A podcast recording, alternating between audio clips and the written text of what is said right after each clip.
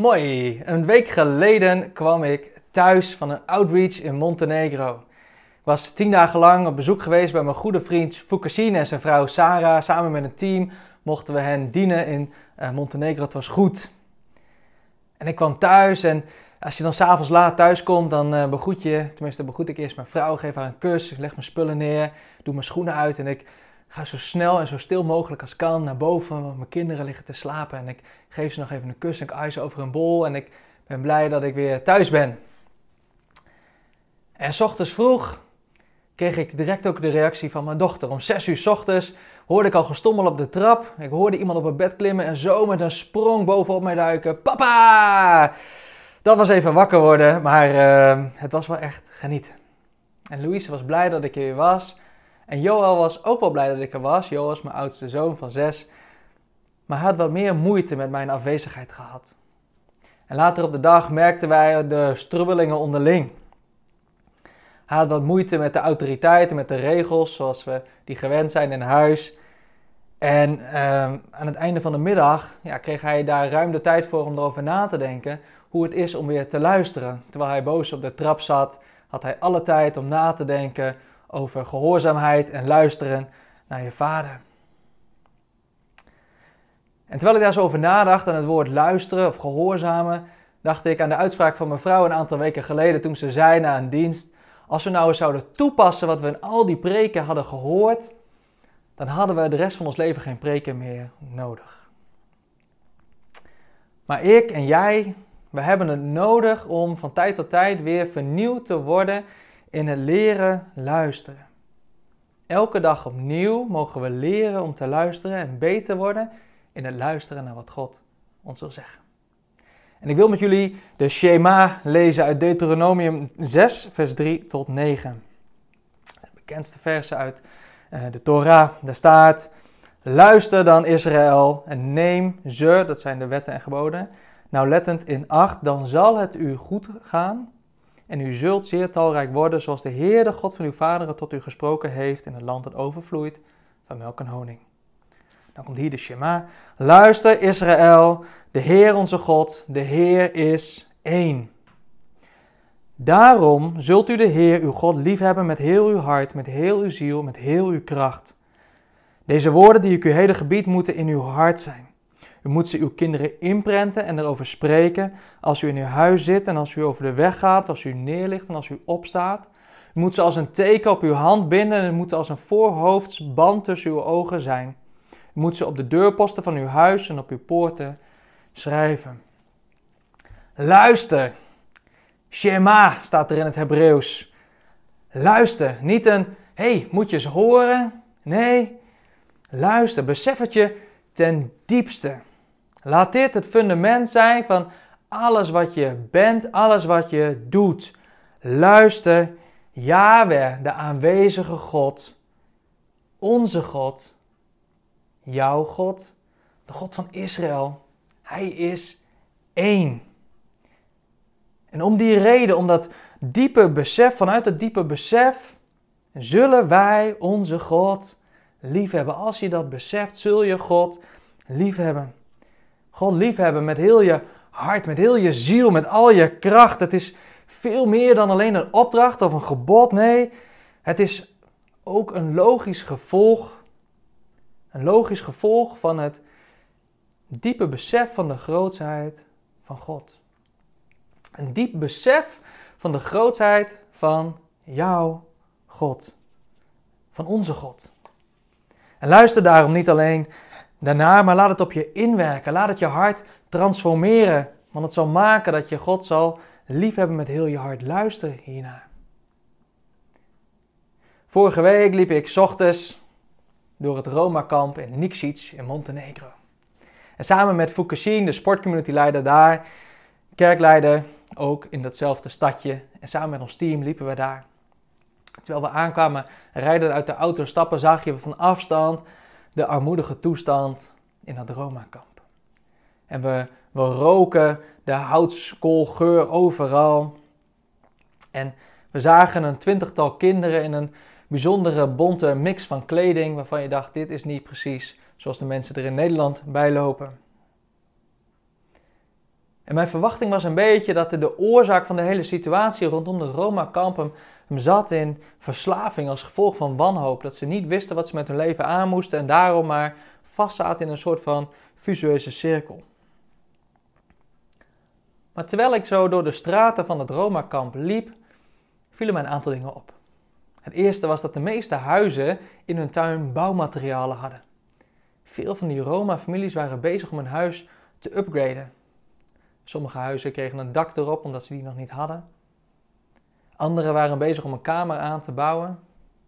Sommigen waren bezig om hun, hun stroen dak of het dak van, uh, van, van, uh, van ijzeren platen te vervangen voor fatsoenlijke dakpannen. En er viel me ook op dat uh, bijna alle mensen, mensen hun was buiten hadden hangen. Ze waren bezig om zichzelf schoon te houden, ze waren bezig hun huizen te upgraden. En veel mensen kwamen daar naar buiten. We liepen dus met zo'n groep van 20 kinderen om ons heen, die we de afgelopen week ook ontmoet hadden tijdens onze outreach. En, en er gebeurde wat, van alle deuren gingen open, mensen kwamen naar buiten. En mijn verwachting was een beetje dat ze ons even wilden bekijken als buitenlanders, omdat dat niet zo vaak gebeurde. Maar ze kwamen niet voor ons, ze kwamen voor Fukashin, mijn vriend. Ze zeiden woele, woele, zo noemden ze hem, dus een koosnaampje. En ze kwamen naar buiten en ze renden bijna op hem af om hem een knuffel te geven, een hand te geven, een kus te geven. Veel van deze mensen proberen wat te maken van hun omstandigheden. En het viel me op dat vrijwel al die mensen ongekend veel van Fukashin houden. Fukashin, mijn vriend, is pas op latere leeftijd tot geloof gekomen. En hij vroeg aan God: Ik wil een verschil maken. Wat mag ik doen? En hij kreeg de heldere taak om kerken te gaan stichten in zijn land. In Montenegro, het land waar hij woont, zijn minder dan 100 evangelische christenen. Hij kent ze allemaal persoonlijk. En dus lijkt me dat ook een prima roeping voor hem. in 2017 kwam hij naar Nederland, volgde de internationale sportcommunity training bij mij en mijn collega's. En startte zijn eigen sportcommunity en hij noemde die Face-Off, naar het voorbeeld zoals hij die hier gezien had. Hij begon een woning te huren midden in dat Roma-kamp en hij begon van daaruit zijn kerk. En zondag een week geleden mocht ik ook in die kerk zijn en zijn kerk bestaat voor 90% uit jongeren uit die Roma-wijk. Waar wij gewend zijn om sportcommunities te bouwen vanuit de kerk de wijk in, heeft hij het precies andersom gedaan. Hij is de wijk in gegaan en heeft daar een kerk gesticht van jongeren die Jezus nog niet kenden, veelal vanuit een moslim-achtergrond. Hij begon midden in, die Roma, in dat Roma-kamp relaties te bouwen. En het is daarbij belangrijk om te weten dat Fukushima en Sarah geen werk hiernaast hebben en geen inkomen hadden.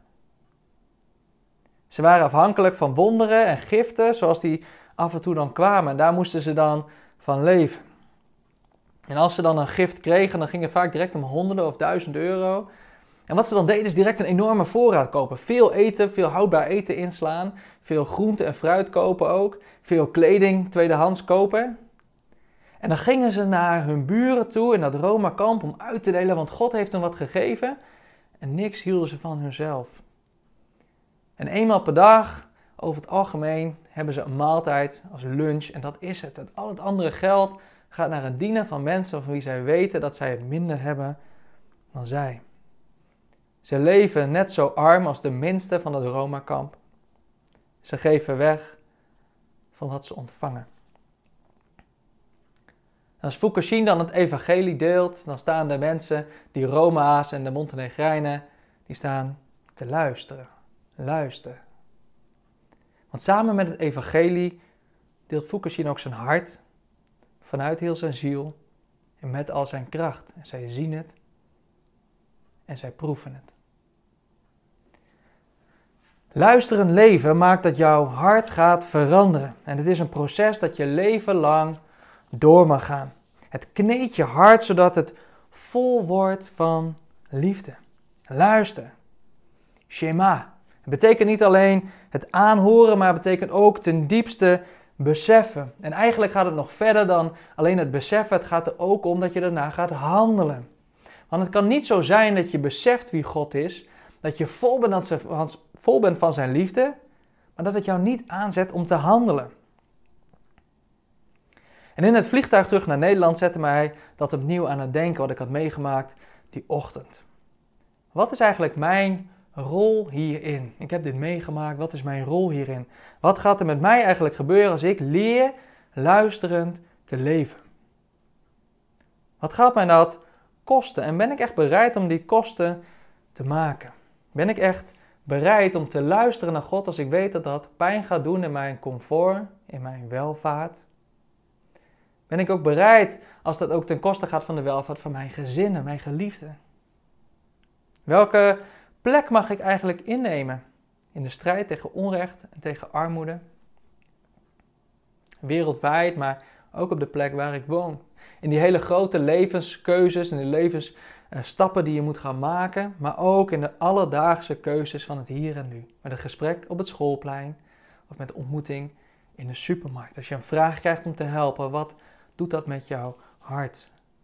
Is daar dat schema, luister. Laat het je op je inwerken wat het de vraagstuk met een ander doet.